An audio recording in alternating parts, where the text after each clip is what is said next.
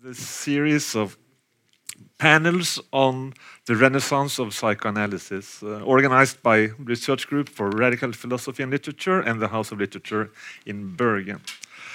So the title of uh, this evening's panel is Psychoanalysis and Politics. As you all probably know, from the very beginning, psychoanalysis has been caught in a liaison with politics. Freud himself conceived of his discoveries not only as providing a cure for mental illness, but also as a theory that might contribute to the emancipation of man from repressive taboos and archaic beliefs and obsessions. Even so, or perhaps for this very reason, psychoanalysis has been confronted by a massive opposition from society at large. Not only because of its subversive exposure of libidinal underpinnings of social institutions and cultural phenomena, but also due to its scandalous theories about childhood sexuality and the afterlife of early psychosexual scenarios in the adult's fantasies, as well as supposedly normal sexual orientation. How are these theories related to the theoretical and historical context of, of the psychoanalytic movement? Is it still possible to use the insights of psychoanalysis in an emancipatory way today? Are there political symptoms that might be interpreted from the vantage point of psychoanalysis? Is ideology an obsolete concept, as it is often claimed, or has it just changed garments and become less recognizable? In other words, is it still possible to conceive of ideology as the unconscious of our society? To discuss these issues, we have four distinguished guests from Norway and from abroad. Henrik Jøker Bjerre, University of Aalborg, Denmark. Arild Linneberg, University of Bergen. Håvard Friis Nielsen, from Oslo, and Vladimir Safatle from University of Sao Paulo, Brazil. This session is divided into two different panels with a short break in between, strictly 10 minutes from 5 to 7, pardon, 8 to 8.05. First, we will listen to Arild Linneberg and Håvard Friis Nielsen's short talks, 15 minutes each, on Strindberg, Walter Benjamin, the optical unconscious and the interpretation of dreams, followed by Freud's freedom, psychoanalysis, and the Republican concept of freedom. We will follow up with a discussion and interchange between the panelists, in which we will also open for comments and questions from the audience. After the break, we will be hearing, as you might have guessed, Vladimir Safatle and Henrik Jøker Bjerre. A short presentation of the first two panelists, and then I'll do the presentation of the other two after the break. Håvard Friis Nielsen holds a PhD in history from the University of Oslo on the history of psychoanalysis in Norway, and he has been a visiting fellow at the University of Cambridge on two occasions. He has written numerous articles and book cha chapters on psychoanalysis and for German and English publications, such as the International Journal of Psychoanalysis and in the official centennial history of the IPA, the International Psychoanalytic Association.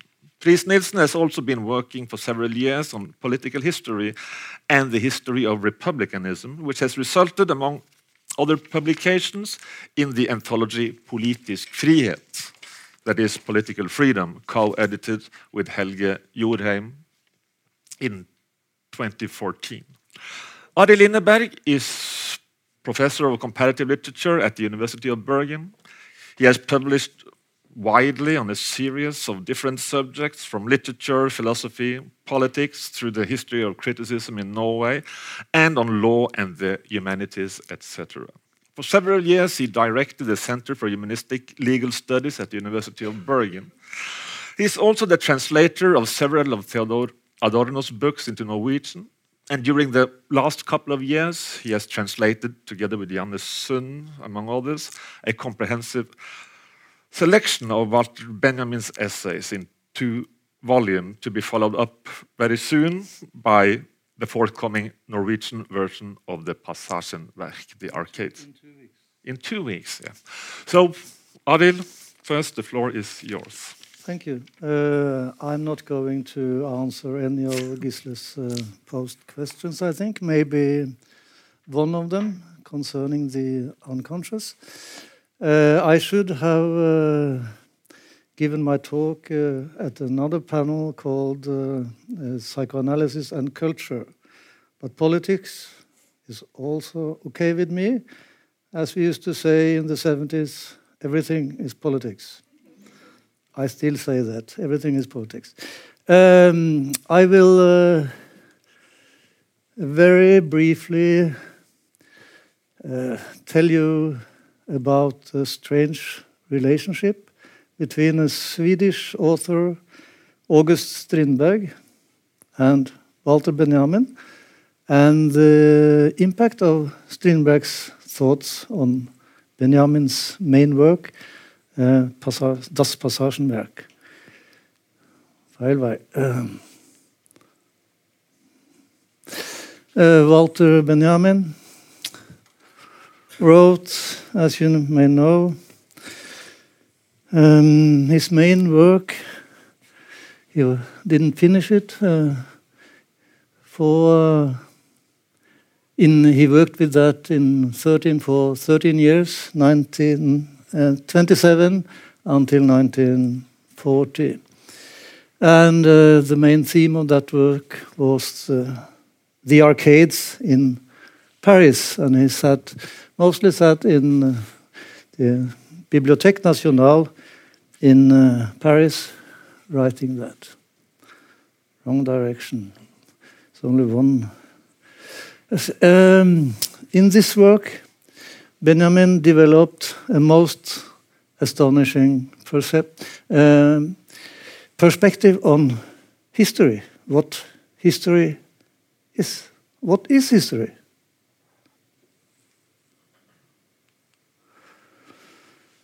Um, in uh, the convolute N uh, in the Arcades project, it's called a theory of knowledge, a theory of progress. He uh, writes that uh, history dissolves into images, not into stories. We are used to think that history is storytelling, and we tell history as a story. Uh, Benjamin thought otherwise.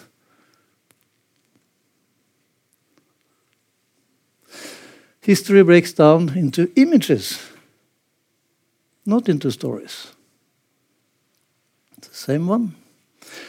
Um, the main inspirations for Benjamin in the Arcades project was among others, but the main was Marx He's there on the left side there.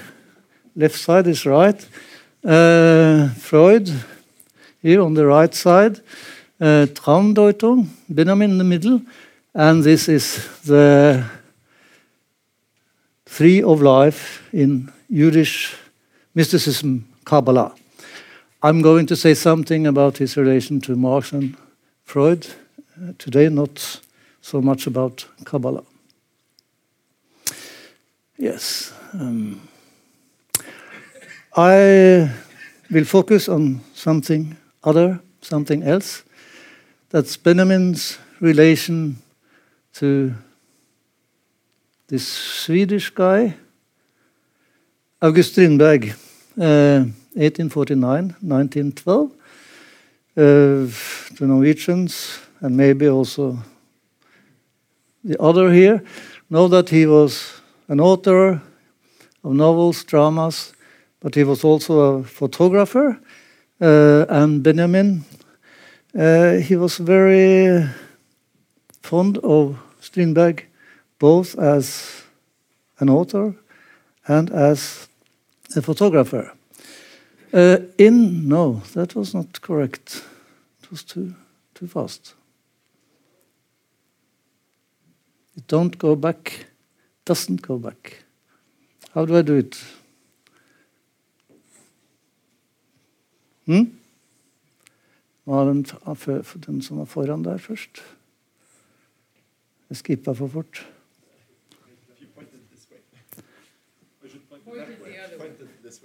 Oh, at you. Doesn't help. Okay. Um, in uh, 1927, uh, Benjamin visited very good friend Franz Hessel in Paris. Hessel was living there. They also translated Prost, Meisel, Prost together. Uh, Franz Hessel. And uh, in Paris, 27, they wrote their first sketches to the Arcades project. They had intended to write that together. And um, here, there, yes, they read Strindberg. And uh, they wrote about Strindberg in their first notes to the Arcades project. They wrote about Strindberg. And they wrote about one of Strindberg's sagor, fairy tales from 1903, uh, especially one fairy tale. um, Lotsens vedermødor. Um, Norwegish, Nor Norwegian. Um, Lotsen, losens strabaser. Uh, in English, the pilot's trials. And uh, this fairy tales, fairy tale of Strindberg's uh, is telling a story about a pilot, and uh, the pilot sees a ship. He's a pilot, you know, and he thinks, "I have to to rescue that uh, that ship. I have to rescue that ship," and he boards the ship, but there's no one there. No single human being, and born. It is a ghost, a ghost ship and it is a very ghosty atmosphere at the ship. But the strange thing is, strange thing happens. And uh, the most strange thing that happens here is that suddenly is the pilot in an arcade. And the description of that arcade is exactly a description of Birger Jarlspassasjen uh, in Stockholm, in Birger Jarlsgatan, Birger Jarls city, a street, and it's still there, and it uh, is still looking like this. And then from this ghost ship, uh, in a dreamlike fairy tale, suddenly this pilot is in an arcade where he sees he sees everything from the sea. He sees shells in the in the boutiques here, and very strange things, and uh, cafes, and so. And then suddenly, he is outside the city. He is in a dream landscape.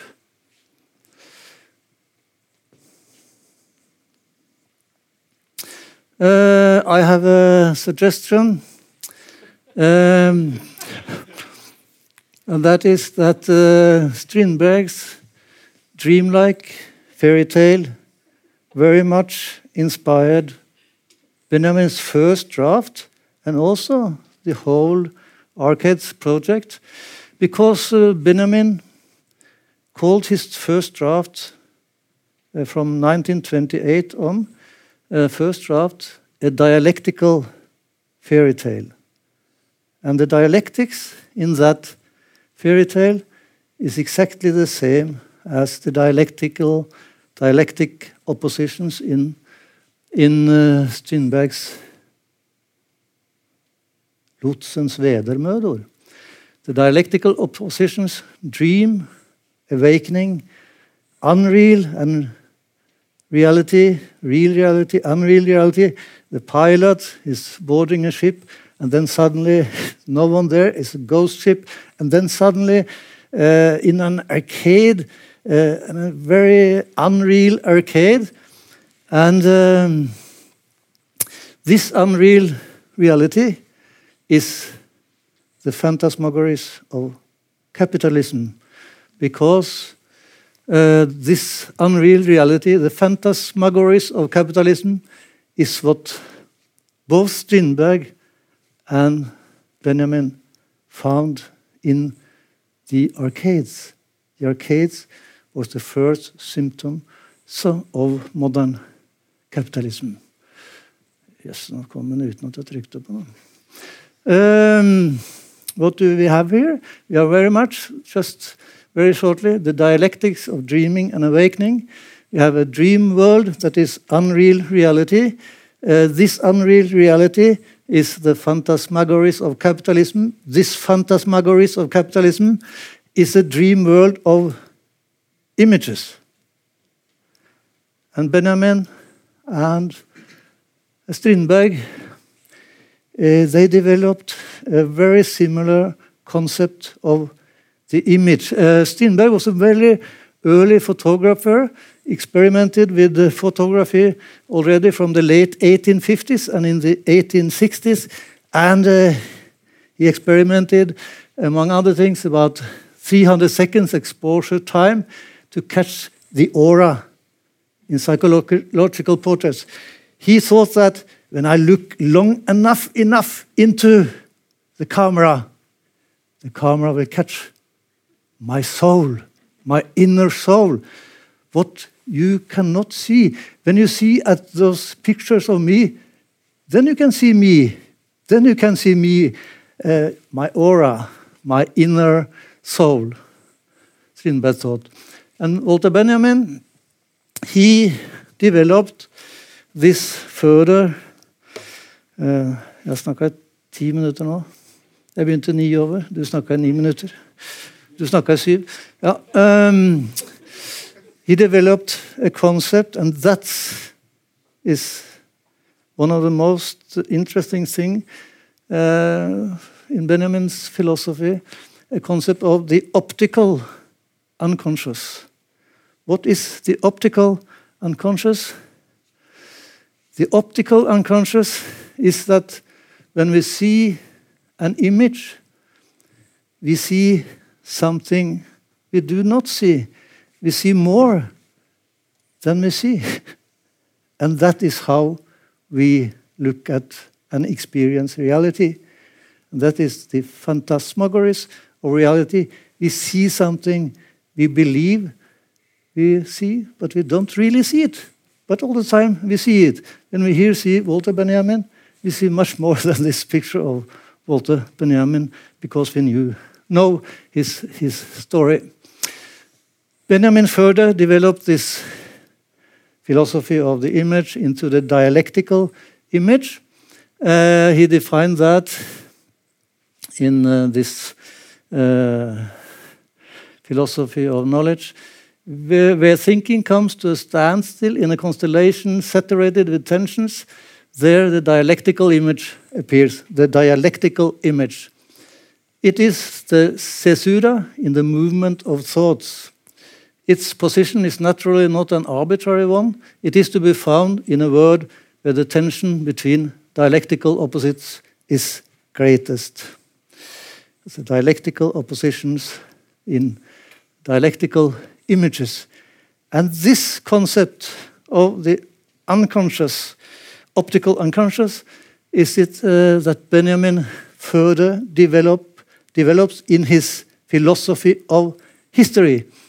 And that's my main point. I haven't the time to, to develop it very much today. But Det Svunden er en drøm kjenner vi fra uh, a Norwegian uh, author Sandemose. Das Vergangene ist ein Traum. The past is a dream. The past is a dream. And this past and this dream is dream images, unconscious images, collective unconscious images. And the task of the historian is to interpret these dreams. Uh, and I haven't read anyone, uh, not a single Norwegian historian, ha has say, said something like that.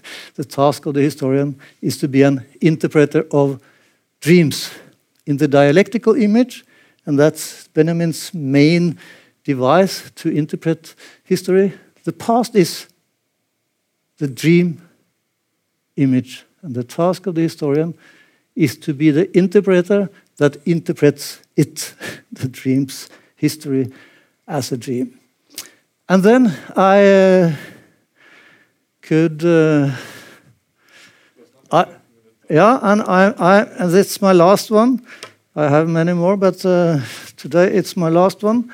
Um, when we look at Marx, Freud, especially, and maybe also Kabbalah, to interpret the lost fragments. No, no, no, no.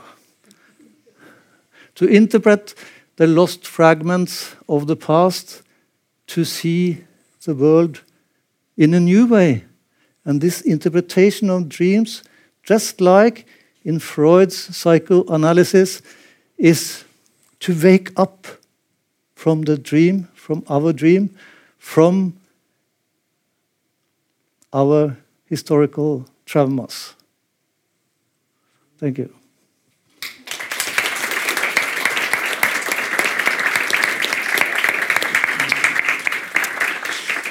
Thank you very much, Arild Linneberg. I then now give the word to Håvard Friis Nielsen. Thank you. Is there any sound? Yep. There is sound. Is there any slideshow? Yep. It's coming up. Okay, I'll just start by saying that it was a wonderful place that you ended because I'm a historian, and what I want to do now is to try to exchange one dream of the past with another. Uh, to tell you that what you thought about freedom in the past may be a dream, and that that has something to do with Freud and psychoanalysis. Okay, I'll start by just telling a story. One of Freud's pupils, Ernst Simmel, once told that um, Freud visited him in his clinic where he worked, and then he noticed a very angry barking dog outside jumping up in his chain and frowning. And Simmel told Freud, stay away from that dog, steer clear of it, it's a very vicious animal. And Freud looked at Simmel with a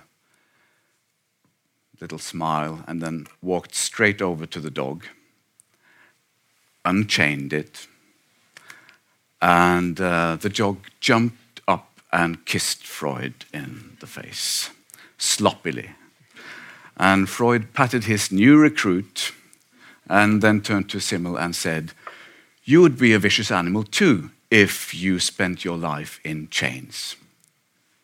Spending your life in chains. That's something we associate with galley slaves on the old Roman ships or with the cotton slaves in the southern states of the US. And that's relevant for what I will talk about, namely the concept of freedom and Freud's psychoanalysis. The problem is, Freud's had a great influence, also a political one, but despite the huge mountain of literature on Freud, the question about what exact what kind of political animal was Freud exactly, that's really not very well answered, I find.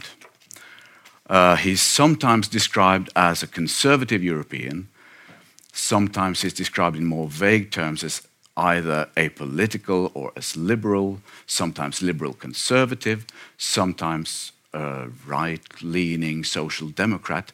None of these labels really say very much. But coming from history, one of the most interesting things that's happened uh, in the field of political history in the last, say, 40 years has been the rediscovery of a political tradition of thinking about freedom. A concept of freedom that's been totally forgotten in the 20th century, largely. Uh, so, and this concept, it's not a socialist one, it's not a conservative one, it's not a liberalist one. Historians now call it a republican one.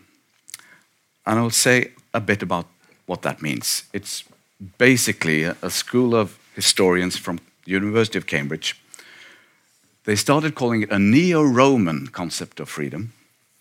Now we usually call it a Republican one. But what this concept is well, in liberalism, we say that you are free as long as no one interferes with your life or your business or restrains your action in any way. If, you, if, if you're free from interference, you are free. The Republicans from the old Roman laws now, does it work? There we are. They said you are free if you are independent from arbitrary power. If no one has a willpower over you, you are free. But if someone does have willpower over you, you are not free. They distinguish between free men and slaves. Either you were free or you were a slave. There was no in between.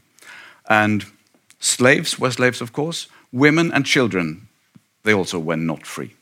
So this was defined in law, in Roman legal, also in Athens actually. Um, a free man is a, an independent man, independent from arbitrary power or another person's arbitrary will. Um, now, to those of you familiar with Freud's writings, you will know that there, was, there were few things that Freud were more interested in than Roman history and Roman thought, Roman political thought. So this is already a clear link. And the ideal of republicanism is independence. It's not freedom from interference, it's independence. Independent men are free to speak their minds. Freedom of speech is the republican ideal. So, an independent person is free, unbound by any slave like bonds to other people or to his own passions or food, drink, drugs, whatever. Um, and the state, you could only be free in a free state, so the state had to be independent as well. And a state consisting of such strong, self assertive, enlightened individuals is the best guarantee against a tyranny. So, by the way, just to give an example of the relevance of this, because now today we speak of, after, after decades of neoliberalism, we speak of a kind of a renaissance of neo republicanism. Take the example of, of the Me Too campaign. What are the women complaining about exactly? Because a woman meeting a man, agreeing to go up on his room and have sex with him, I mean, she says later that he's a bully. But in liberal thought, it's actually she isn't unfree. She has voluntarily gone to the room. Whereas in Republican thought, she's not free at all because film director says to her, Of course, you are free to leave this room. You're free not to have sex with me. But what will happen to your career afterwards? So he has arbitrary power all over the woman. It's a kind of domination. Now, this Republican ideal inspired psychoanalysis. How? Freud's concept of neurosis itself was, in one of his texts, a weeping bystander at Charing Cross. He says, Our hysterical patients suffer from reminiscences. Their symptoms are the remnants and the memory symbols of certain traumatic experiences. By way of illustration, Freud reminds us that our city, our cities are full of memory symbols raised after traumatic collective experiences like war monuments. And he gives the example of Charing Cross in London, raised by one of the old kings after the death of his beloved Eleanor. Freud says, These monuments are memory symbols like the hysterical symptoms. What would you say to a Londoner who today stood sadly before the monument to the funeral of Queen Eleanor some 800 years ago, stood there weeping instead of going about his business? Our patients are like this bystander. They are unable to get rid of the painful experiences of the distant past, past because they are still strongly affected by them. Now, so the neurotic patient suffers from memory symptoms, memory symbols. And in his, one of his first papers on psychoanalysis from 1896,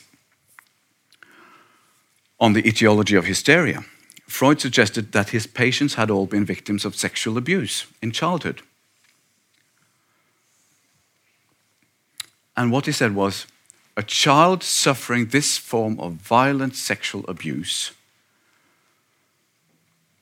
is in his helplessness at the mercy of an arbitrary will. Now, does it work?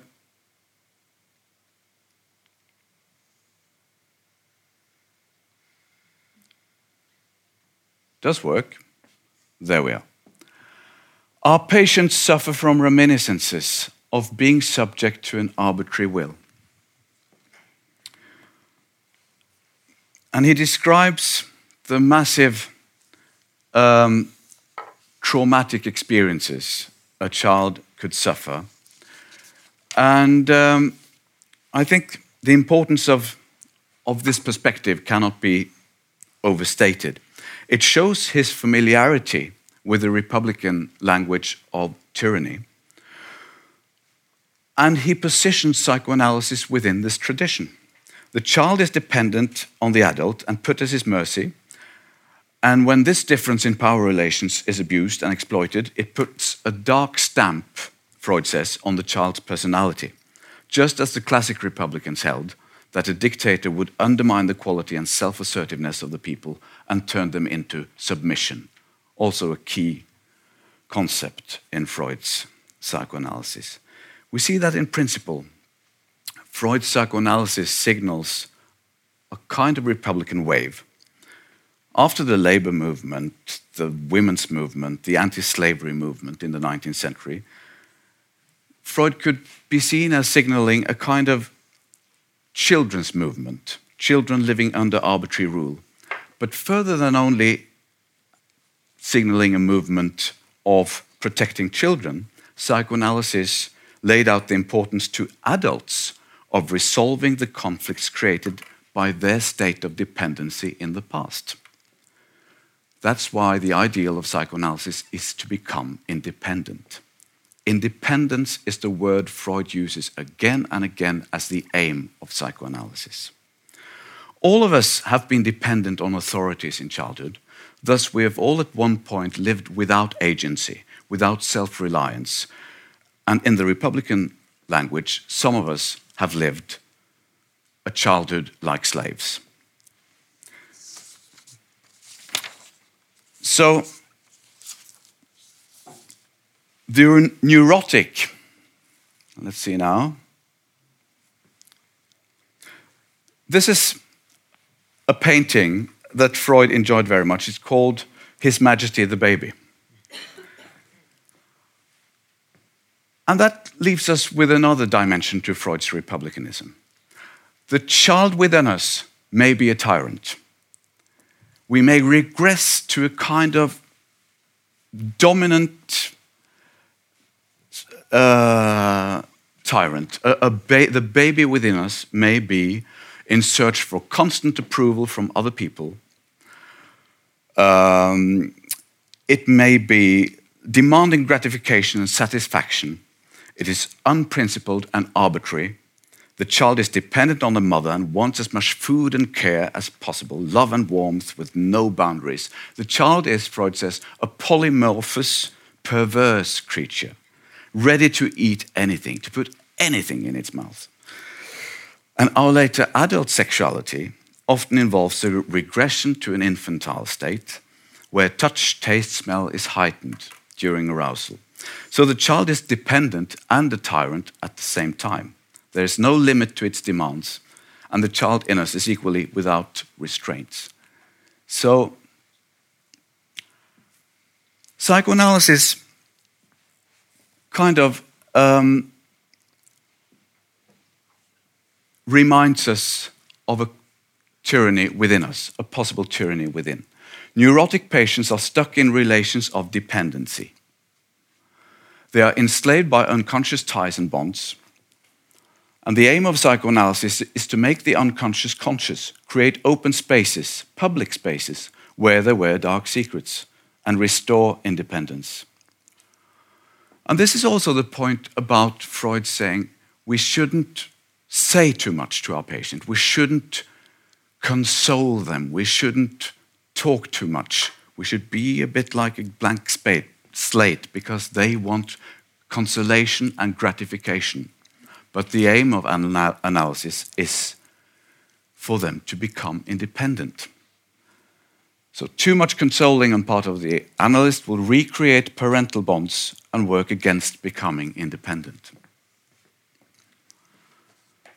So, when Freud stated that where id was, ego shall be, he emphasized the public ideal of clarity and lawfulness as opposed to arbitrariness.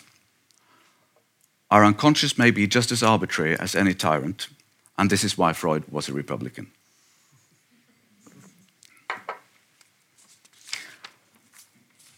I have one minute more? Yes. Okay, good. I can give one last example. Now, to those of you who've seen the, the, the TV show Game of Thrones,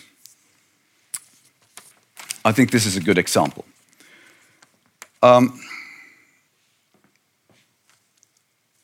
this is Lord Theon Greyjoy, who's captured and tortured and stripped of his own identity. He's forbidden to use his own name and given a new one, Reek which alludes to a stinking creature. He's castrated and walks around fearful of asserting himself, reacting strongly if anyone ever calls him by his former real name. So his new submissive, cowed demeanor, with a fear of speaking and of listening, it's a good example of the servitude of a man living under tyranny. But his own defense against being associated with his real name and his real identity and his past, his fear of being punished again, that corresponds to a patient's resistance in therapy. When the therapist approaches a troublesome theme, approaching his real core identity, which he's protecting himself against. So, this is, I think, a brilliant example of where psychoanalysis and Republican theory intertwines. Thank you very much.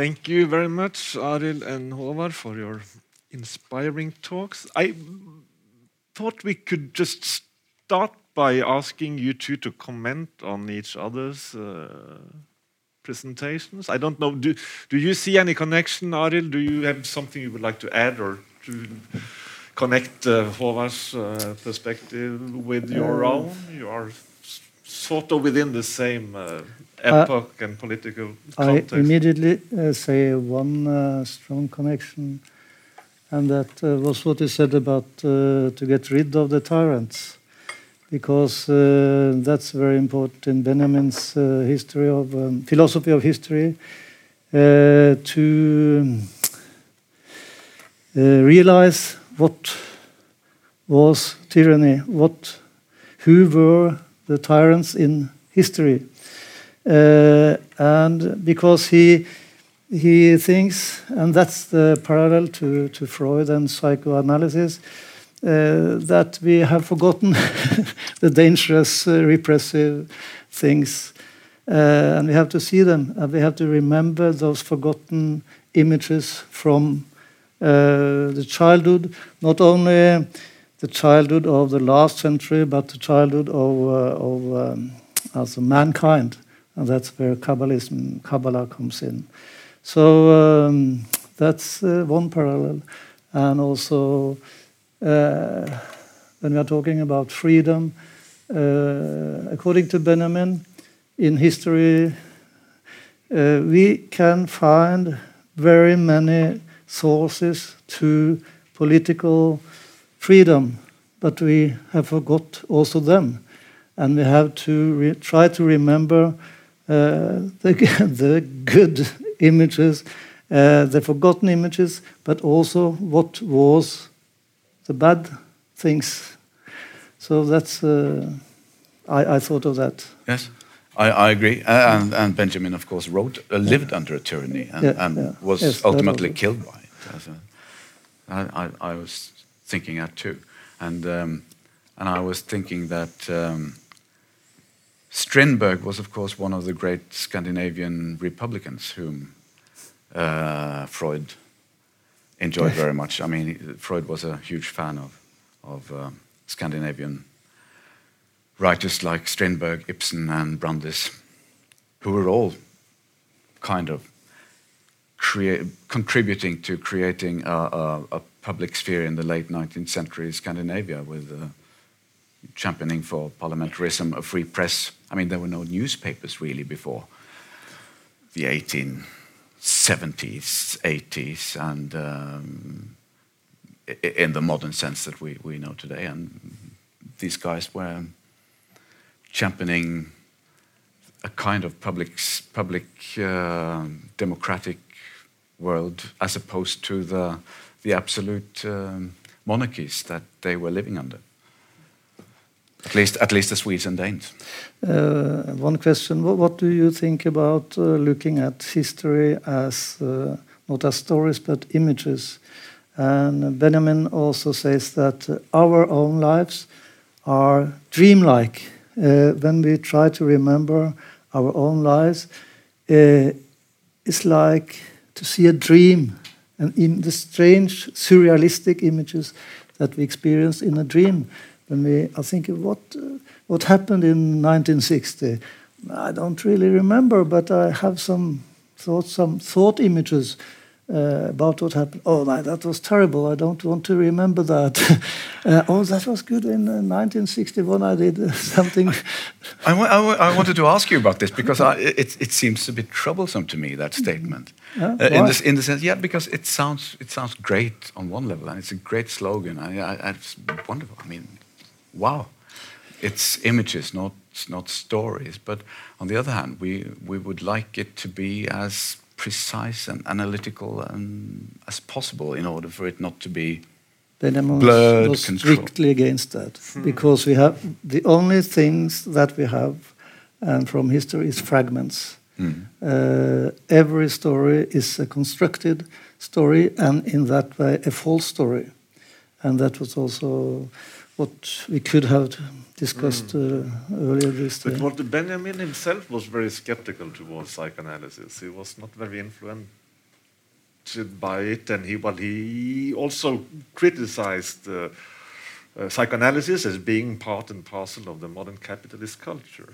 He didn't really go into Freud's discoveries. No. Uh, but he, he, mentions that. Why, why, why do you? He mentions he that in, in uh, 1935 first time, then in uh, 36, and later on, uh, this parallel, he, he drew this parallel himself to Freud when he developed, first developed his concept of the uh, optical unconscious. He said Freud thought in that way, but I will say, when we look at our collective history, and he, very strong um, was opposed to, you know, opposed to Jung because he saw Jung and Jung's archetypes as uh, fascistoid, mm.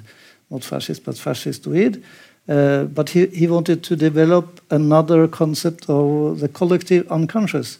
And you know, the other Horkheimer, Adorno, they, they didn't like that concept of the collective unconscious. But Benjamin, he said, that's what I'm going to, to look deeper into. So he denied to I will develop that further. And he did that. So he wanted a kind of Marxist Jungianism yes. in a sense. No, yes, that's yes, you can say yes. that. Yes.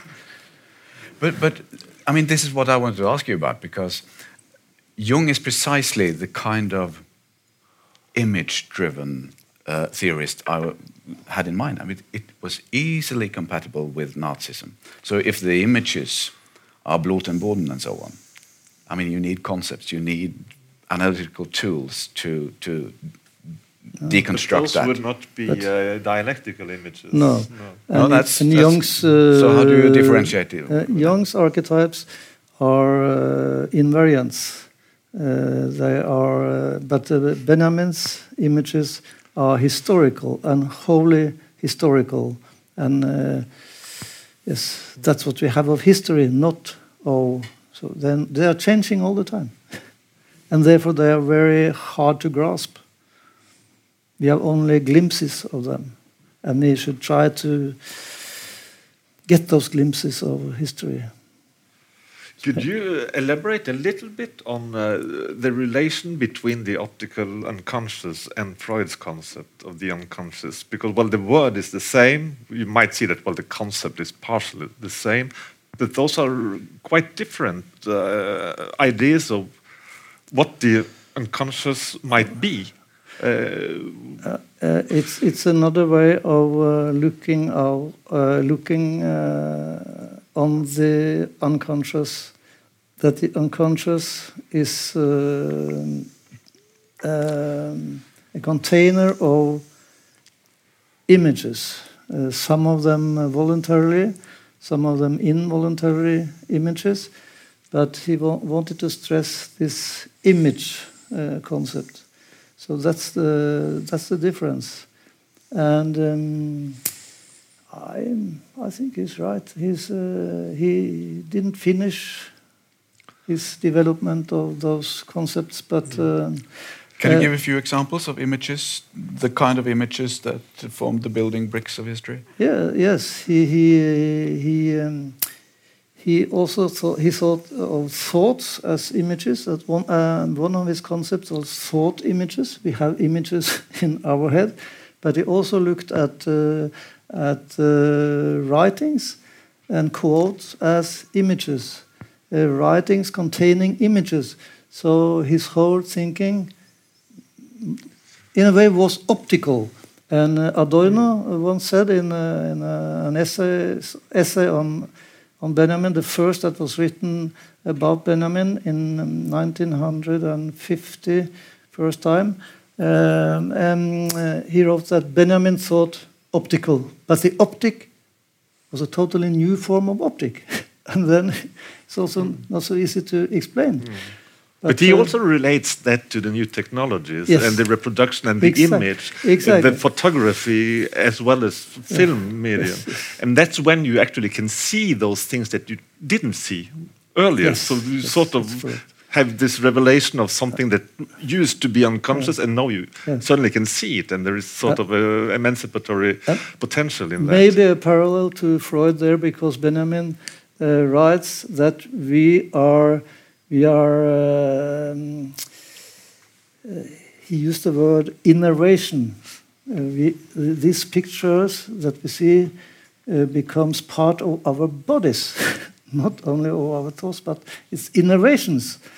And he said that when we um, see these new images and make them part of our own bodies, the, that is the first uh, premise for a new revolution. Mm. he wrote that about, uh, you know, in uh, his essay on surrealism from 29, and then he wrote about the Communist Manifesto, and yes, this new form of innervation of images mm. what you from did, the new media. Oh, shit.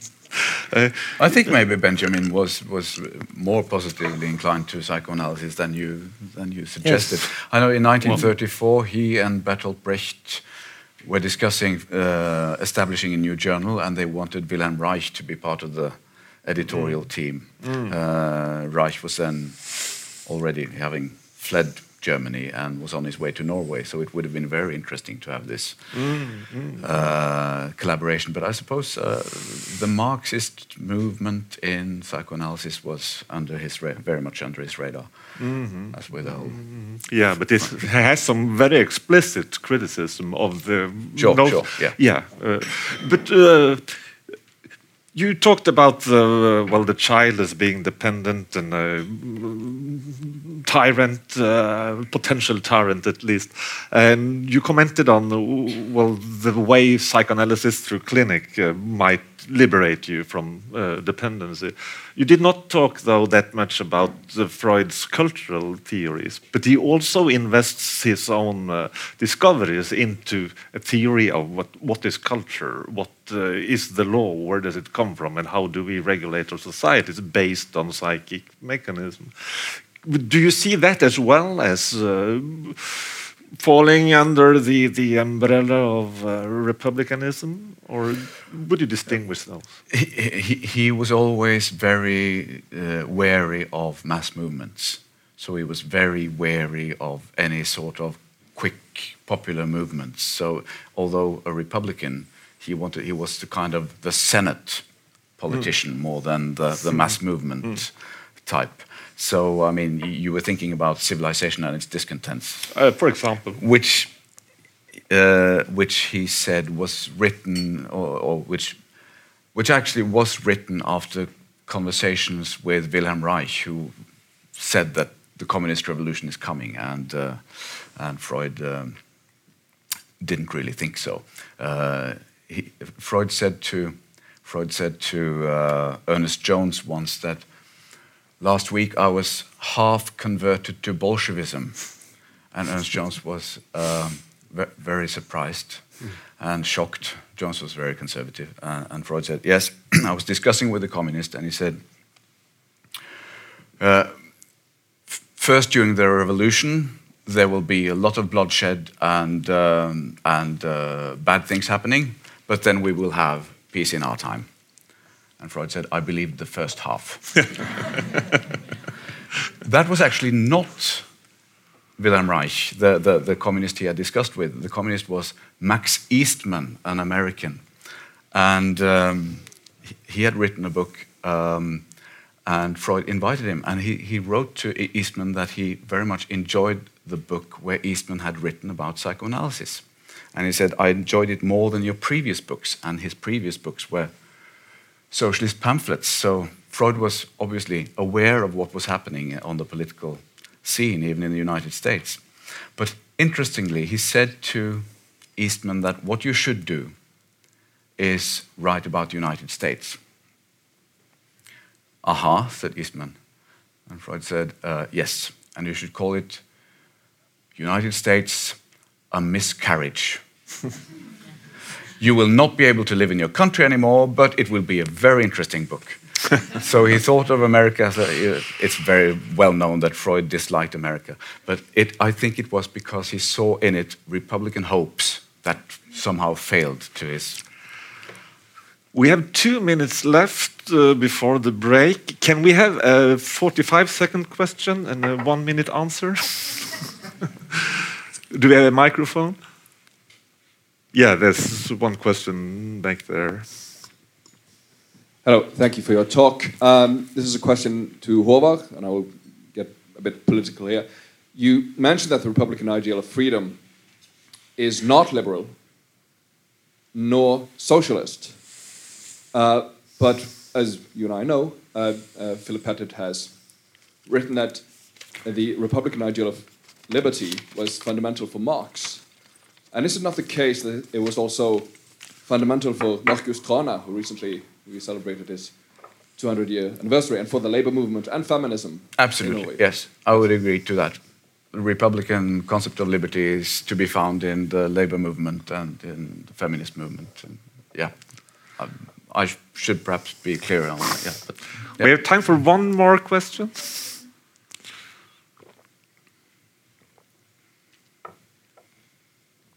Nobody wants to speak up?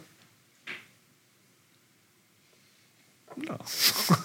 well, I think it's five to eight now, so we'll take a strictly 10 minute break. Be back here at uh, four past eight, please, if you want to. We're then now ready to start the second half of this event uh, with two presentations by Vladimir Safatle and Henrik Jøker Bjerre. I'll just give a short introduction to each of the two, and then they will present their talk. Vladimir Safatle is professor of philosophy and psychology at the University of Sao Paulo in Brazil. His work is mainly concerned with the dialectical tradition in philosophy, especially Hegel, Marx, and Adorno which he reads in conjunction with Jacques Lacan's psychoanalytic theory, uh, as well as with the reformulation of classical categories of Marxist thought. Safatle is the author of, among other books, the best-selling Grande Hotel Abismo, originally published in Portuguese in 2012 and recently translated into English. as Grand Hotel Abyss, desire recognition and the restoration of the subject. Besides, Safatle is an award-winning composer of film music and a prominent intellectual in the Brazilian public sphere as a political activist, a newspaper columnist, and a television commentator. Henrik Jøker Bjerre is associate professor at the Center for Applied Philosophy at Aalborg University, Denmark, and one of the founding members of the Center for Wild Analysis, Center for Vild Analyse, a collective subject who thinks and speaks in public debate through the method of an ethics of exaggeration. Since its inception in 2006, the Center for Wild Analysis has been active online and in the press, newspaper, and radio alike, commenting on culture, politics, and philosophy from the perspective of psychoanalysis as well as continental philosophy. Besides, the center recently founded its own university in Copenhagen, where the students will receive a wild analysis diploma after attending a series of lectures at a local pub. The price is 100 Danish kroner per seminar. Henrik Bjerre is one of the editors of the Danish Journal for Theoretical Psychoanalysis, LAMLA, Lamella. His most recent book uh, is titled Handel, Act in English, co-written with Brian Benjamin Hansen, which can be bought in the library downstairs if there are any copies left. If not, you can order it online, I suppose, and or read their essay, based on the book published in Klassekampen last Saturday, titled Gjør Do It, in defense of headless acts. So we'll see how this is spelled out in his presentation right away. Yes, Henrik. thank you very much. Uh, am I going to? Yes, okay. Um, yes, I will actually try to use the opportunity to. Yes, okay, now I hear myself. uh, to, to try and say something about the, the idea of act or action that we are trying to unfold in this book, particularly, of course, how it's rela- in the, its relation to psychoanalysis. So that it's a little bit sort of ambitious to try and press that down into 15 minutes, but I will try and say at least something general. Maybe we can discuss some of it. Uh, the, the idea of the book is, in a way, first of all, to sort of draw a mapping of various different concepts and understandings of what action actually means, because uh, as soon as you look on it, there's a very big variety of different understandings of what we actually mean by the word or the concept of action.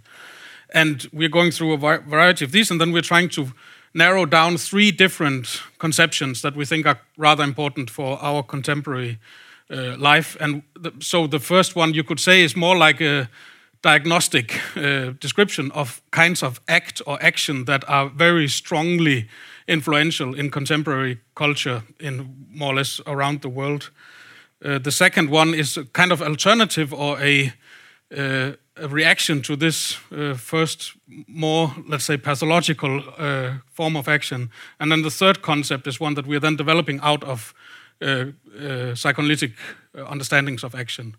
And I hope I could say most about the last one. But just very briefly, the two other ones. We, our first part is called Just Do It and and uh, the the idea is that we we call, to put it very shortly, the culture that we live in currently, contemporary society, a just do it culture, which is extremely strongly influenced by the idea that everybody has sort of the uh, ability and the uh, possibility uh, and access to uh, action, that anybody can do it and anybody should do it. So, in a way, you are free to act and you should always be in action, so to say. You should always optimize your CV. You should always be on the way to the new job. job. You should always be active, even in your spare time. You should go on interesting holidays. You should uh, take pictures of it and put it on Facebook. And you should check your phone all the time to see if somebody liked the, what you were doing and so on. So, it's a kind of hectic activism that is sort of the contemporary uh, uh, lifestyle, so to say, which is strongly influenced by capitalism, of course, and consumer society, and is containing a very big amount of what we would call pseudo activism, that even sort of what would sometimes qualify as political action would in, in reality be what we would call pseudo activism, which would be, for example, that you you sign petitions all the time, you share important messages on Facebook, and you uh, you and the whole idea of philanthrocapitalism, as it's called, that you purchase things that are uh, ecologically and ethically correct and so on. But you always consistent, uh, continuously acting uh, in order to sort of optimize the idea of who you are yourself. And if you are not perfect and ethical and good and healthy and successful, it is your own fault. That's sort of the basic idea. And of course, this is the Nike slogan, just do it, that we're using to say this. And we found out rather quickly by even just Googling this uh, slogan, that was sort of one of our first inspirations, that uh, uh Nike actually invented this slogan, uh, inspired by uh, uh, a death row inmate in the American prison called Gary Gilmore in 1977, who was actually shot by a peloton. And just before he was shot, he was asked, "What are your last words?" And he said, "Let's do it." And that, so, in a way, there's a there's a very clear uh, connection to a kind of a death drive of culture. That okay, let's just do it. Let's be active. Let's at least enjoy life as much as we can to the fullest extent possible, because it's over soon and everything will go to hell, so to say. So then, the, what we then diagnose as the reaction to this, which is maybe most prevailing, is what we we use Hannah Arendt's concept of action uh, uh, from the human condition to say something about. I'll not spend much time on it here, but it's some kind of a classical idea that we should, instead of sort of being following the technologies and econ economic uh, uh demands, we should find uh, places and sort of oases to develop our own sense of self and read classical literature and do good deeds and spend time with our children and be offline and so on and be silent and, and go in the mountains instead of watching TV and all this kind of stuff. So this is kind of a meaningful action, as we call it, that is a kind of a counter reaction to this but then we claim that what is really needed is a, a, reinvention or reassertion of a much more radical idea of action, which we would claim has sort of, we have uh, throughout history various forms and examples and ways of thinking about this, but but uh, we would follow here uh, Alain Badiou, for example, the French philosopher, who says that um, that the, uh, since the Second World War, more or less, that we have been living in a, in a time that is so much focused on evil and the avoidance of evil, the, the, the repression of evil, so to say, that it has been it has cost us the, the sense of the good as well.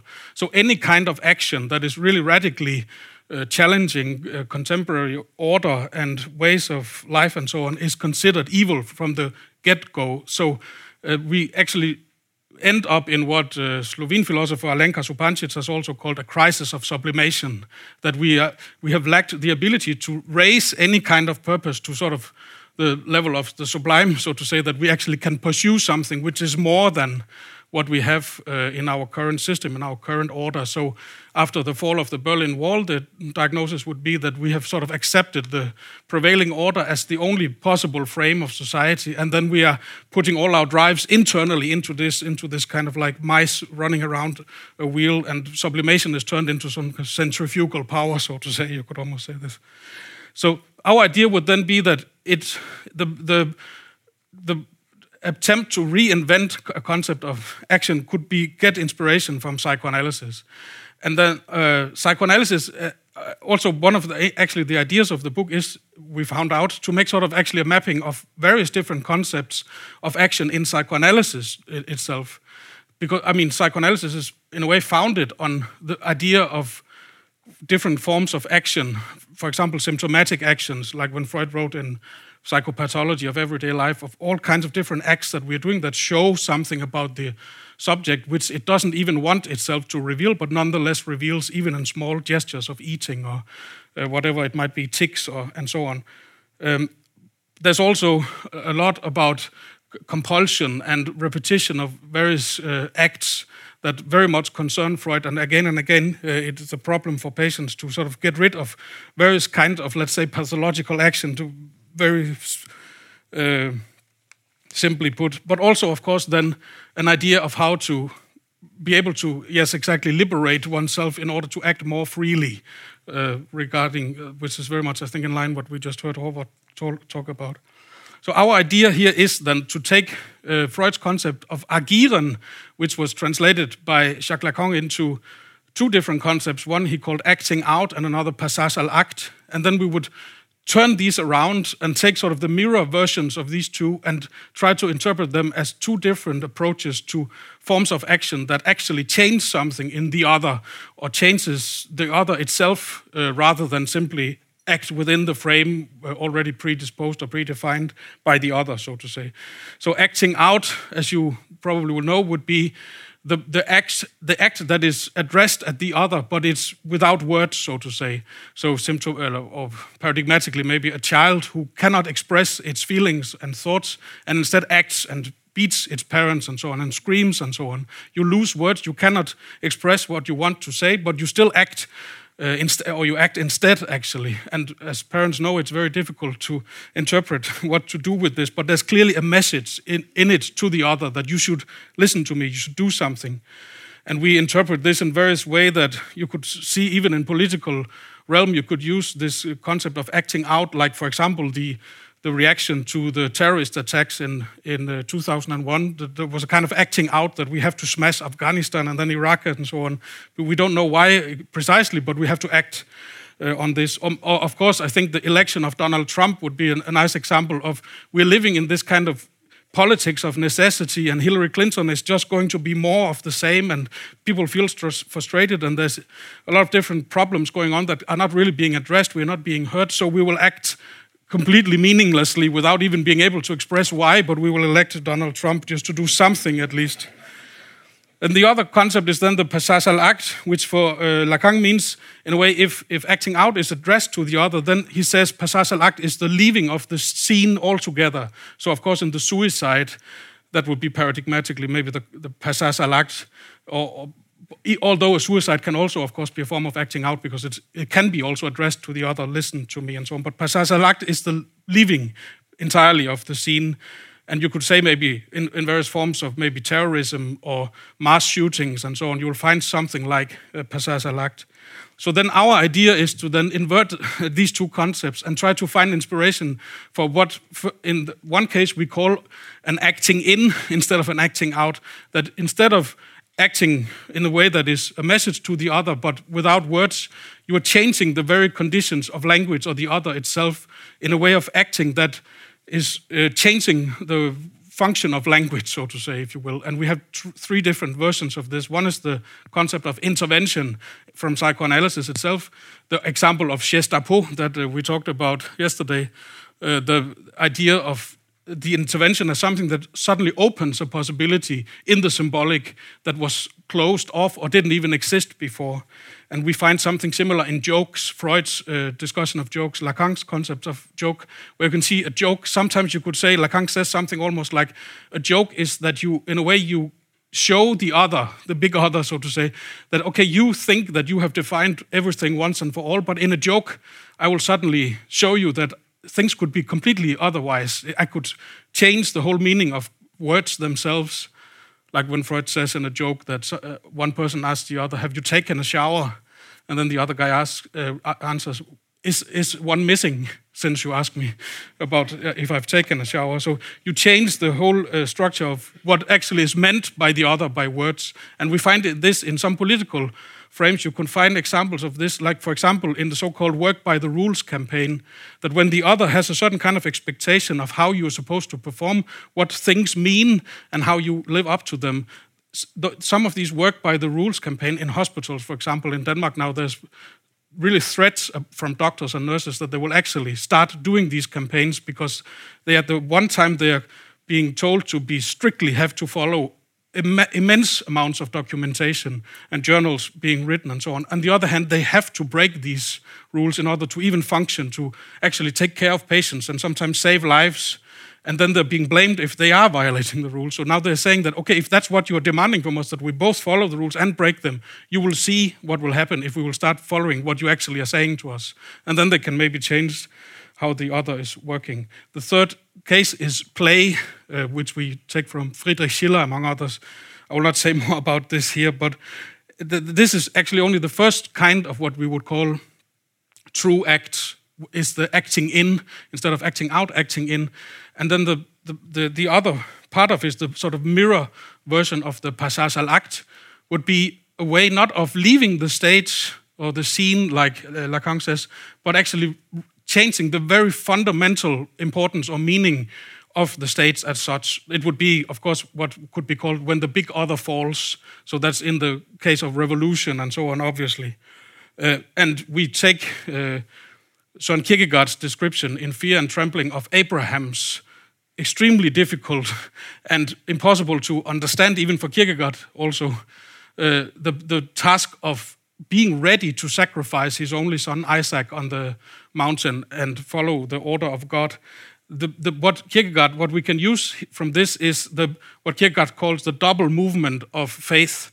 That what you need in order to be able to actually win society or win the ethical community, what is, which is what happens with Abraham. He doesn't sacrifice his son, but he, Kierkegaard says, by faith, he didn't lose Abraham, on the contrary, or didn't sacrifice, on the contrary, he won Abraham through faith.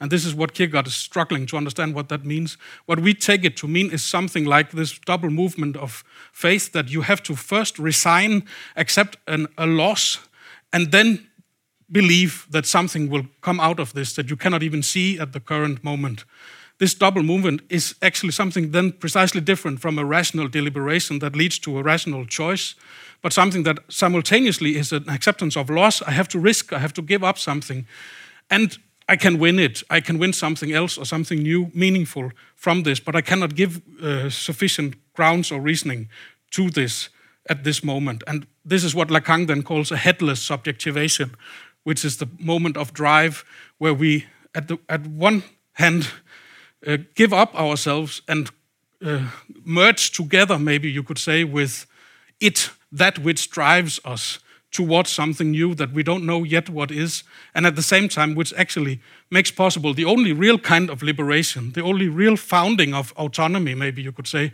that paradoxically can only come through abandoning autonomy in a sense, at least the autonomy of the so called, let's say, liberal freedom, for example. Only when we are ready to risk this itself can we find a way to maybe ground a new sense of self or a new sense of uh, meaning or society and so on? Um, yes, and we would we would interpret this something along the lines of the, this moment of drive uh, as that which. Uh, in a way, you could say maybe the, the, what makes possible this situation is that we can always experience some kind of distance or doubt or, or a sense of meaninglessness almost in the demand from the other and the way the other is functioning. And in this moment of the act or the real, the act of the real, so to say, you could say, maybe you could say that we kind of merge uh, as uh, subjects with this distance to our official mandate, to our official identity, to our official position in society. We, we merge with this doubt, with this uh, distance, with this alienation that we sometimes find expressed in our everyday life, even and let this uh, alienation sort of carry us away into something where we don't know yet what is.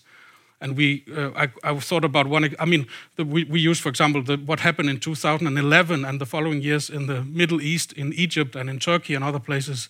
O Occupy Wall Street and other movements also could be seen something along these lines. We didn't, or people didn't know exactly what was going to happen, but something had to happen.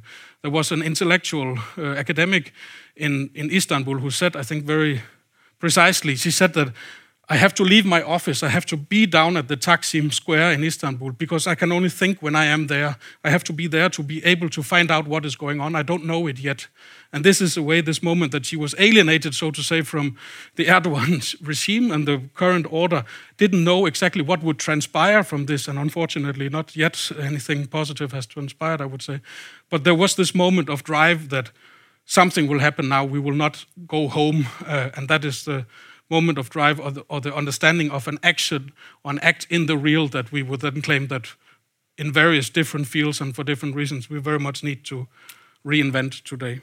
So, sorry. Thank you very much.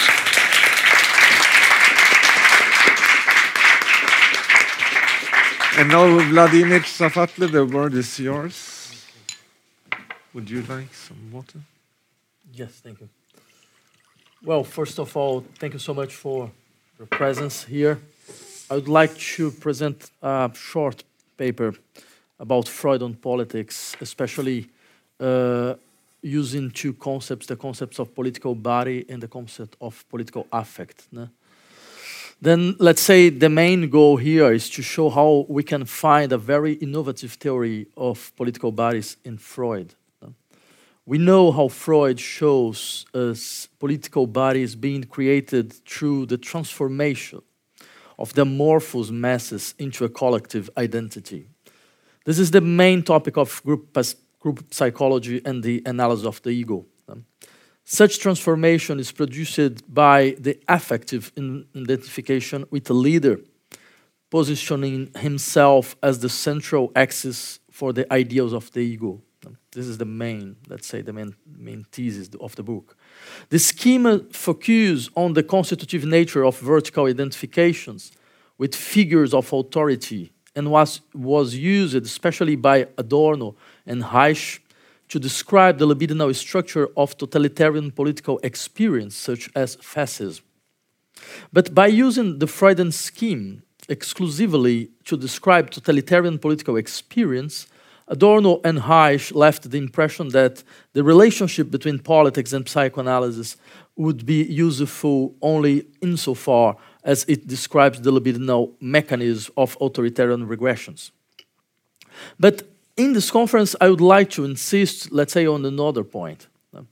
Actually, I would like to show how we can also find in Freud something that we should call, let's say, a theory of political bodies without collective identity. An important topic to a discussion about what democracy could be, in, at least in my point of view.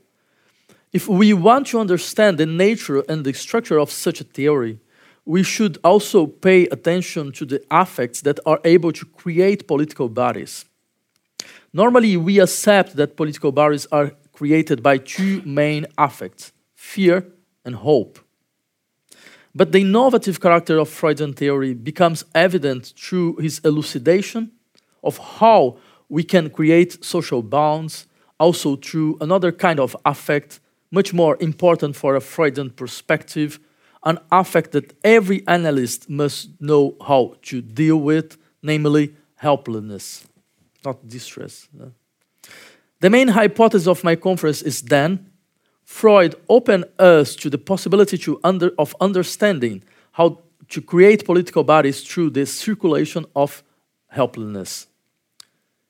A helplessness that will not be an object of care, as if we were facing something that could and should be erased. In psychoanalysis, helplessness is something that circulates, dispossessing identities, whether collective or individual, something that produced by dispossession. And maybe this is the, the most strange, uh, let's say, and also innovative idea that we can extract from Freudian perspective. To speak about political bodies without collective identity might seem to be a contradiction, let's say, in adjecto. Because no? actually, we accept that notions, of, the notion of political body presuppose ideas such as unity, organization, party, extra party, and hierarchy relative to a functional center. The political body would be the expression of an identitarian organization grounded in a sovereign power able to repress the antagonistic nature of the social bonds. Following the trend, this trend, we can find some important criticism against the idea. No, wait a minute. Aha. No. No. Let's let's forget this. Yeah. Because otherwise we will not have time. If we accept these ideas, we will be obliged to say that a political body without collective identity should be impossible. A mere academic play of, on words. Bodies have unity and organization. They establish identities through the submission of a multiplicity to an operating, operation of belonging. But if I insist on saving the idea of political body, it is because we are not only dealing with a metaphor whose history would be incredibly long and problematically linked with non democratic view of the political life. The different use made by Hobbes, by Spinoza, by Rousseau, and in recent times by Deleuze and Guattari uh, show us the theme of a political body can't be restricted to the expression of just one model of political experience. And nevertheless, I would like to say that there is something that unifies these examples that are based on the notion of political body. Those philosophers understand that there is no political instauration without the constitution of a body. The question is which type of body we are able to constitute, and what could a body be? The impossibility to think the political instauration without using body metaphors must not be understood as the expression of an irresistible drive toward authoritarian ways of thinking. Actually, these metaphors show us how the establishment of political bonds is linked with the capacity to be affected, to a capacity to enter a, in a sensible regime of affection. The metaphors of the political body don't necessarily describe a search for an organic social cohesion. They can describe the nature of the regime of affection that establish social bonds. This is why it is so important to understand the grammar of affects inherent to each body. A body produced by fear doesn't act in the same way as a body produced by trust or by helplessness. Well, will, but let us turn briefly to the problem of the structure of affects in its relation to political bodies. We must remember here a, a central Freudian assumption that the affect that opened us to social bonds is helplessness. At first, this might seem like a modernized version of Thomas Hobbes' conception of fear as the central political affect, an affect that would lead us to acquiescence to the norm, making possible a life in society contrary to the state of nature. Let us remember um, in this context some important features of this Hobbesian idea. And I quote Hobbes During the time men live without a common power to keep them all in awe, they are in that condition which is called a state of war. And such a war as in is of every man against every man. So the output of this state of nature and its war of all against all would be countered by the internalization of an aio, constantly reiterated and produced by the force of law of a sovereign power. For Hobbes, the individuals are animated by something like a drive directed to excess. There can be no common good because there is an excessive desire within individuals, resulting from the fact that nature has given for each man a right to all the excess as a common trait of all humans can only lead us to desire the same things. Many at the same time have the appetite for the same things. Thus, Hobbes describes how the historical emergence of a society of individuals released from all forms of natural place or predominated collective regulation can only be understood as the advent of a society of total insecurity. And against the fearful destructiveness of this excess that puts individual in perpetual motion, making them desire the desire of the other, leading them easily to violent death, appears the government. This show how the existence of government would be linked to the circulation of fear, as, the, uh, as an affect responsible for installing and conserving relations of authority. This fear would have the strength to stabilize the society, paralyzing the movement and blocking the excess of passion. Uh, while uh, this leads some commentators to insist on a complicity between reason and fear, not only because reason would be powerless without fear, but mostly because fear is, at least for Hobbes, a kind of universal calculation, calculator of passion, accounting for the traumas described in memory, while serving as a ground for rational deliberation and predicability of actions. Well, this politics appear as the space where the protection produced by security and stability is transformed into an affect able to sustain the social bond. A politics to which, according to Carl Schmitt, Protego ergo obligo is the cogito ergo sum of the state. The key factor here is that the legitimation of sovereignty through its force of protection and security needs the continuous perpetuation of the danger of disruptive violence. It needs, it needs the image of an imminent violent death if the social space cease, cease to be controlled by a sovereign power with no limits.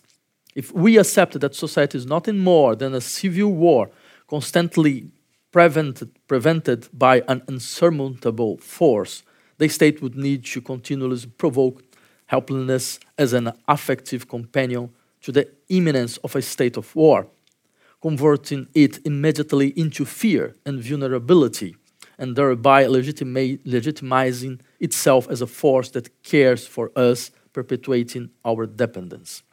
Now, Freud. The emphasis on similarities between Freud and Hobbes is a classical topos. However, we must not confuse fear and, and helplessness, at least in this context. Since Aristotle, fear implies pre preparation for and reaction to an imminent danger, real or imag imag imagined. Following Aristotle, Freud makes a classical statement differentiating, differentiating fear and anxiety. The anxiety has an unmistakable relation to expectation, it's anxiety of something. In it, there is an, a feature of indeterminacy and absence of object. The current language comes to change the name when anxiety finds an object and replace it by fear, Furcht. In other words, we can say that fear is anxiety that had, has found an object in the sense of a reaction against a danger caused by an object that can be represented. Hobbes, for example, say that fear is the expectation of an evil. The possibility of representing the threatened, threatening object is a precondition for the affective experience of fear that triggers physical reaction, including the, the, doubling of attention and the acceleration of breath, and uh, as if waiting for an, an attack. Helplessness, like anxiety, involves a collapse of paral or paralyzed of possible reaction, as in the case of primal dissociative shock or the extreme vulnerability of exposure to an order on whom one depends, but whose response can neither be predicted or nor deciphered. Looking for is, to, uh, well, we can, we can put this to In this sense, to be in helplessness is to be without help, without resource when faced with an event that is not an actualization of the possibilities of a given situation. There is a suspension, even if temporary, of the capacity for action, representation, and prediction. The situation of helplessness always implies a recognition of a sense of impotency, both of the subject in his agency and of the symbolic order that supports his determination. This suspension uh, of the symbolic order is the function of helplessness and at the end of analysis, bringing us closer of what Lacan means by the experience of real. Well, for Freud, helplessness is a prerequisite of social emancipation, not an experience of resignation or vulnerability, neither a demand for care by proto-parental figures or a continued political experience of exploitation of fear. What we have in Freud is an affirmation of helplessness as an ontological insecurity with the political function of reducing demands for an authority based on phantasmagoric constitution of sovereign power. All political action is initially the action of a landslide, and only helplessness people are able to act politically. Freud shows us how a truly emancipatory politics is based on an affective circulation of experience of helplessness, not on building fantasies to defend ourselves against it. In this sense, po politics can be taught as a practice that allows helplessness to appear as a productive negative ground of new social forms, preventing the transformation of this negative ground into social fear opening us to events that we don't yet know how to experience. If I had time, I would try to speak about Moses and monotheism because I think this is a very good example of what Freud understand by this possibly force of helplessness in politics. But actually, I think that I don't have time anymore. And uh, okay, thank you so much.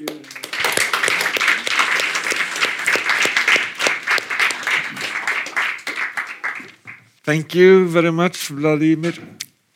And Henrik, I think that you have uh, very nicely sort of mapped parts of the same territory uh, that we also touched upon uh, in the first half. So, well, most immediately, I would think that you can see a connection between well the radical uh, concept of act and this kind of helplessness that's sort of a clearing of the sl slates for a new political body to, to emerge. But could you perhaps uh, comment on each other's talk, perhaps from that perspective, or if you have other angles yeah. that you would prefer to? I would like to hear more. Actually, but, uh, I don't know. Maybe there is some kind of I don't know common question, in the sense. What I would like to hear more about also is, I mean, how, what what does it mean to I don't know. I mean, this is a very naive way of trying to uh, to follow up on what you said. But what would it mean to sort of? Could you say something about what would it mean to, let's say, facilitate this kind of sense of helplessness rather than the, the politics of fear? Sure. Yeah. yeah uh, well, normally when we say that helplessness can is a kind of political affect, we think in a policy of care. it means. Uh, we will treat uh, the population, people, as people uh, that feel helplessness, that are in, in search for a kind of care or something like that. And then we have all these psychological categories that begins to colonize politics and uh, this, this use of these psychological categories as a kind of social management. But I think that we can find another thing in Freud. We can find this idea that helplessness is not something that we can treat or that we can heal. It's something that we affirm. No? It's something that is the first step for emancipation, but it means it's a kind of, of a, a, as a possible criticism of, on super egoic figures of authority and so on. No? It's uh, e every event, uh, the, every real event put us in helplessness because it break our possibility of projection, break our possibility of organized time uh, through, uh, let's say, the projection of a, a previous image. And uh, this can have, let's say, uh, a political, very interesting political consequence because we will think that politics is not anymore, let's say, the social uh, uh, cohesion against contingents or so on, but it's a possibility to open uh, society for some transformation that we cannot, let's say, uh, prevene. No? And then I think that is a, uh, there is a strong contact between this idea, the, the Lacanian idea of, of analytical act, mm -hmm. as you uh, show us. No?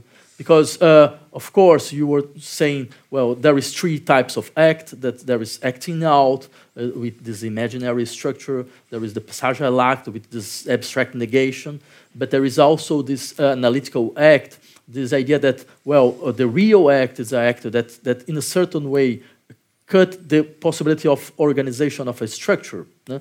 but not just cut in an abstract negation, that cut in the possi uh, because there is a latency of uh, possible existence that can, can, be, can, can, can, can, can be expressed. No? And just to finish, uh, for me it's very interesting to remember that Lacan developed this idea of political, analytical act just after May 68. Uh, it means there, there is a, a, political reason, I think so. Uh, can I just, I, yes, I just sure. think that it also relates very nicely to some of the discussions in the first hour here. But yeah. Håvard was talking about this, that, uh, that if the, the analysand wants to be, uh, was consoled, yes, that what you are saying is that in, precisely that even to translate this into a political understanding of not accepting sort of the the the the, the maybe the, even the request maybe for this kind of concern or care or, or, or complacency, so to say, but in a way forcing us to accept that there is whatever you said that now we've gone one step too far, you have to go another step, so to say. Um, but uh, yeah, it's an Yeah, what this also reminds me of is that, well, what you are describing here is also a sort of origin of the human animal, which is exactly the, the helpless uh, being. Well, the animal that is not, well, entirely an animal, but it is in need of education and care in order to enter some sort of symbolic order. So it seems also like on an ontogenetic uh, level, you are sort of describing how to enter from uh, an animal being into a political human uh, language being. Yeah, what's interesting in Freud is we can say, of course, Freud don't use this word, but we can say that in Freud, the idea of helplessness is almost an ontological idea. no? It's not just something uh, linked with, for example, this helplessness that the baby feel uh, in, in, in when born or something like that.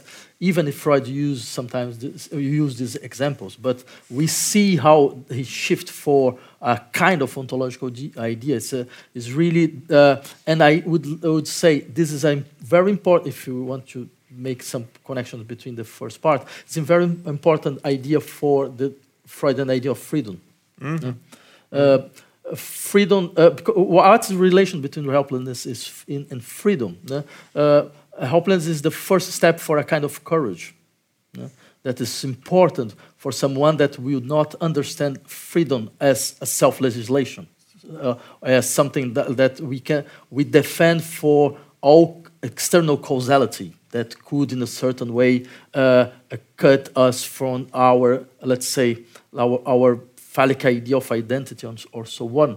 Uh, I would like to use Moses exactly to give a kind of example in yeah, this sure. point because uh, uh, what's inter- just quickly what's interesting in Freud example is well the first thing Moses for Freud is not a, a Jewish Egyptian and e- the the God the Mo, the Moses God is not a, um, a Jewish one it's a Midianite one no?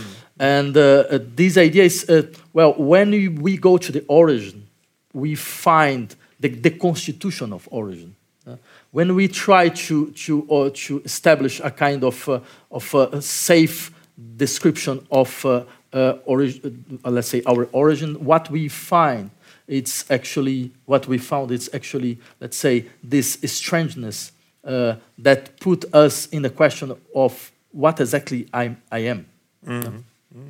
And, and this relates then very much to some of the things that I rushed through in the end about the, the concept of drive, precisely, I think, because, I mean, if, and it relates also, to, I think, to the question about the human animal and so on, because, I mean, what is a drive, or what is drive as such, in certainly in Lacanian theory, it's precisely not some kind of natural instincts that are then repressed by a culture and then reappear in some kind of outburst of pure sexuality or something like this.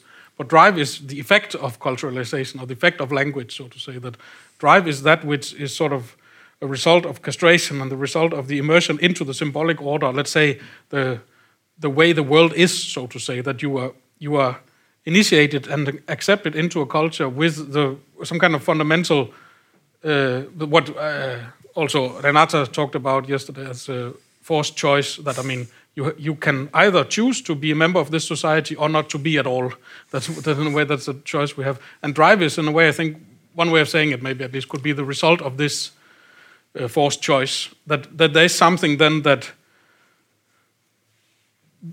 an unbehagen exactly that that remains that why am i in this condition why this society why in this way why with these rules why with this language and so on and then drive is the sort of that which can then re-emerge as what i talked about like some kind of merger with my own alienation from let's say in this way simply the sort of the current order of culture so to say that i feel that I know that I am me, I have this name and this identity and this position, and am talked to in this and this way and subjectivized in an Althusserian way almost in this and this way. But I also feel at the same time estranged from this, that this is not really me, this is not who I am. I don't cannot accept that, that that's all.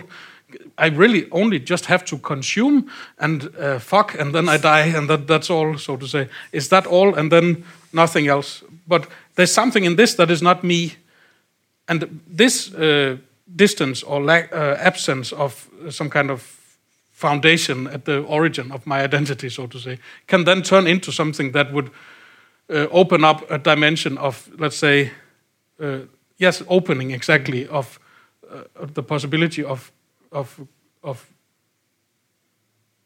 overturning the other or establishing uh, a new sense of community, for example. Yeah, and if I can Yeah, add sure. something, because I think it's a very interesting point. Uh, okay, this is not exactly Freud, but Lacan.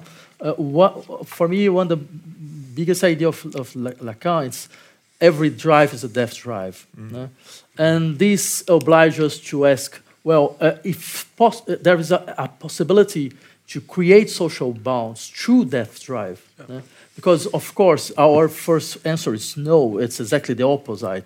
The death drive is, was linked to cruelty, to destructiveness, uh, to destruction, and everything that, that, that avoid the constitution of a social bond.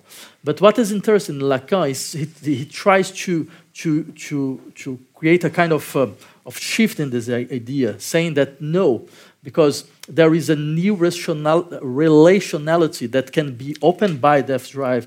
Because when I accept that there is something in myself no, that is not exactly as a figure of an, an I, of an ego, but it's something that, uh, that, that is totally different from an idea of an, an ego. And maybe this, this, this idea of death drive is something, this is a kind of potency of indeterminacy that, that inhabitates every subject, then if I can understand that my rel- relation to myself is not a relation of, uh, let's, uh, it's a relation with something that is opaque in a certain way, then I can be much more solidary and much more open to the alterity of the other.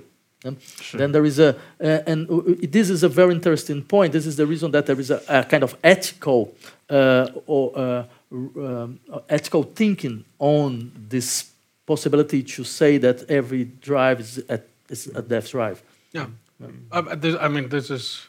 Uh, it sounds a little bit like a Butlerian point. I mean, that, and I agree with this. Ethically, it would mean that there's a possibility of a kind of solidarity because we are, as our colleague in Copenhagen, Lilian Munk Rösing, once said that deep inside we are all uh, fucked up or something like this. That we are all equally estranged from ourselves, so to say. And this opens up, uh, in Judy Butler language, for some kind of solidarity of not the, the kind of lack of uh, foundation or the opacity that pertains to me also pertains to the other. That's an ethical foundation. But then maybe precisely this, if you interpret this instead politically, then there's a kind of common uh, estrangement that can happen to a group of people at the same time, which then opens up uh, this kind of new forms of solidarity that actually turn into political action and not. Uh, Only, which is fine, uh, it's certainly fundamentally important uh, to, but uh, not only an ethical uh, stance. So So this is the sort of irony of history that is the Jew has become the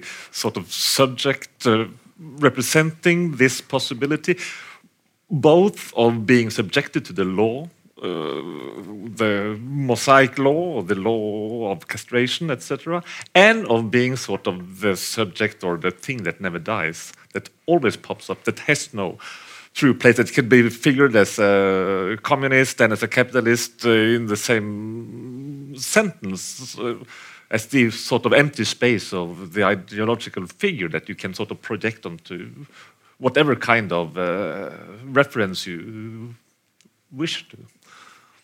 But there's something about at least the, the, the figure of, let's say, universal homelessness. Yeah, yeah, That is yeah. maybe that which we all share.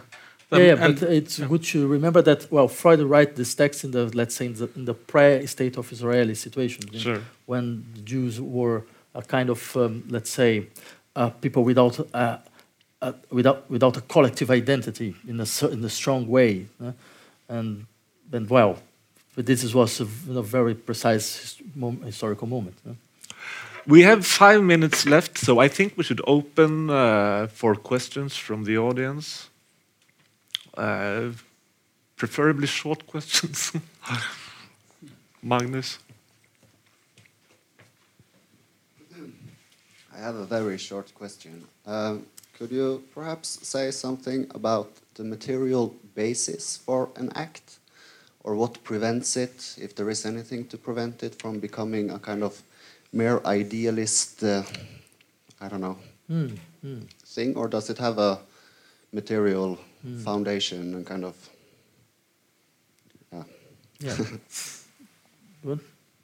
Uh, if I understand the direction of your question, I mean, I, I might answer very cheating a little bit. Would, uh, in a way, that what I skipped in, about what we tried to do in our book was, in a way, actually a criticism of Hannah Arendt, especially for sort of maintaining this kind of strong division between a realm of necessity, work, production, and a realm of well, which is also a material world, so to say, and a wor- and biology, and then a world of a sphere of freedom of some sense, which remains rather evasive, I would say, actually, in Arendt, that there's some kind of heroic deeds that we can tell about the invasion of Troy and what are some kind of stories precisely from the past that are sort of imaginary, uh, connected together in some kind of big other that is somehow still established.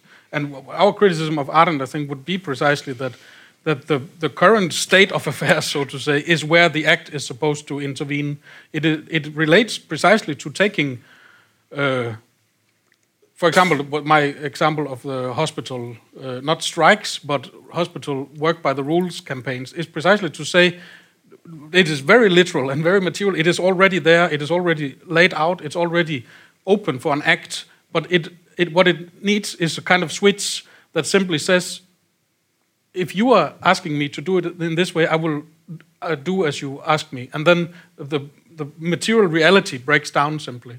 If a nurse is suddenly not allowed to break the code and, and uh, give drugs to a patient who is in urgent need without the formal uh, requirements being fulfilled, the system will not work, it will collapse. I think this is very material, and it is uh, related very much to the, the, the change of uh, concrete conditions in the current state of affairs, so to say.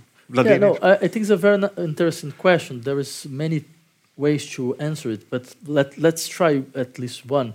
Well, um, Lacan has a very interesting criticism on the idea of revolution, saying that, well, uh, as you know in astronomy, revolutions come back to the same place. no? And uh, he, he used this against, for example, students uh, in the six- 60 week. But why? Because they, he's, he tries to say, look, we are, you were not dealing with a revolution. We are just trying to, let's say, to use the same concepts of action, of consciousness, of uh, deliberation, of autonomy, that is the base of the liberal society. no?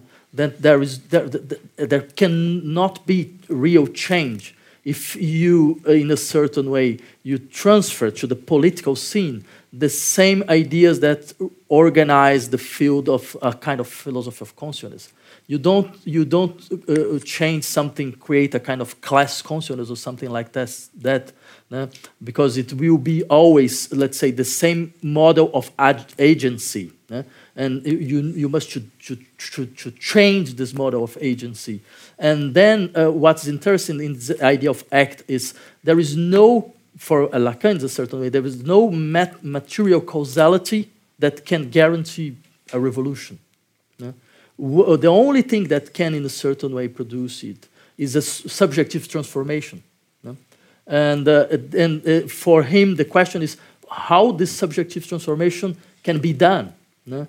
Uh, uh, and, and which kind of psychic structure uh, is uh, it's, it's dealing in, with this situation. no? Which kind of, of potion or of drive structure we can assume for this kind of uh, uh, subjective transformation that put us in, in a position totally outside, let's say, the, sym- the symbolic order and the, the social structure.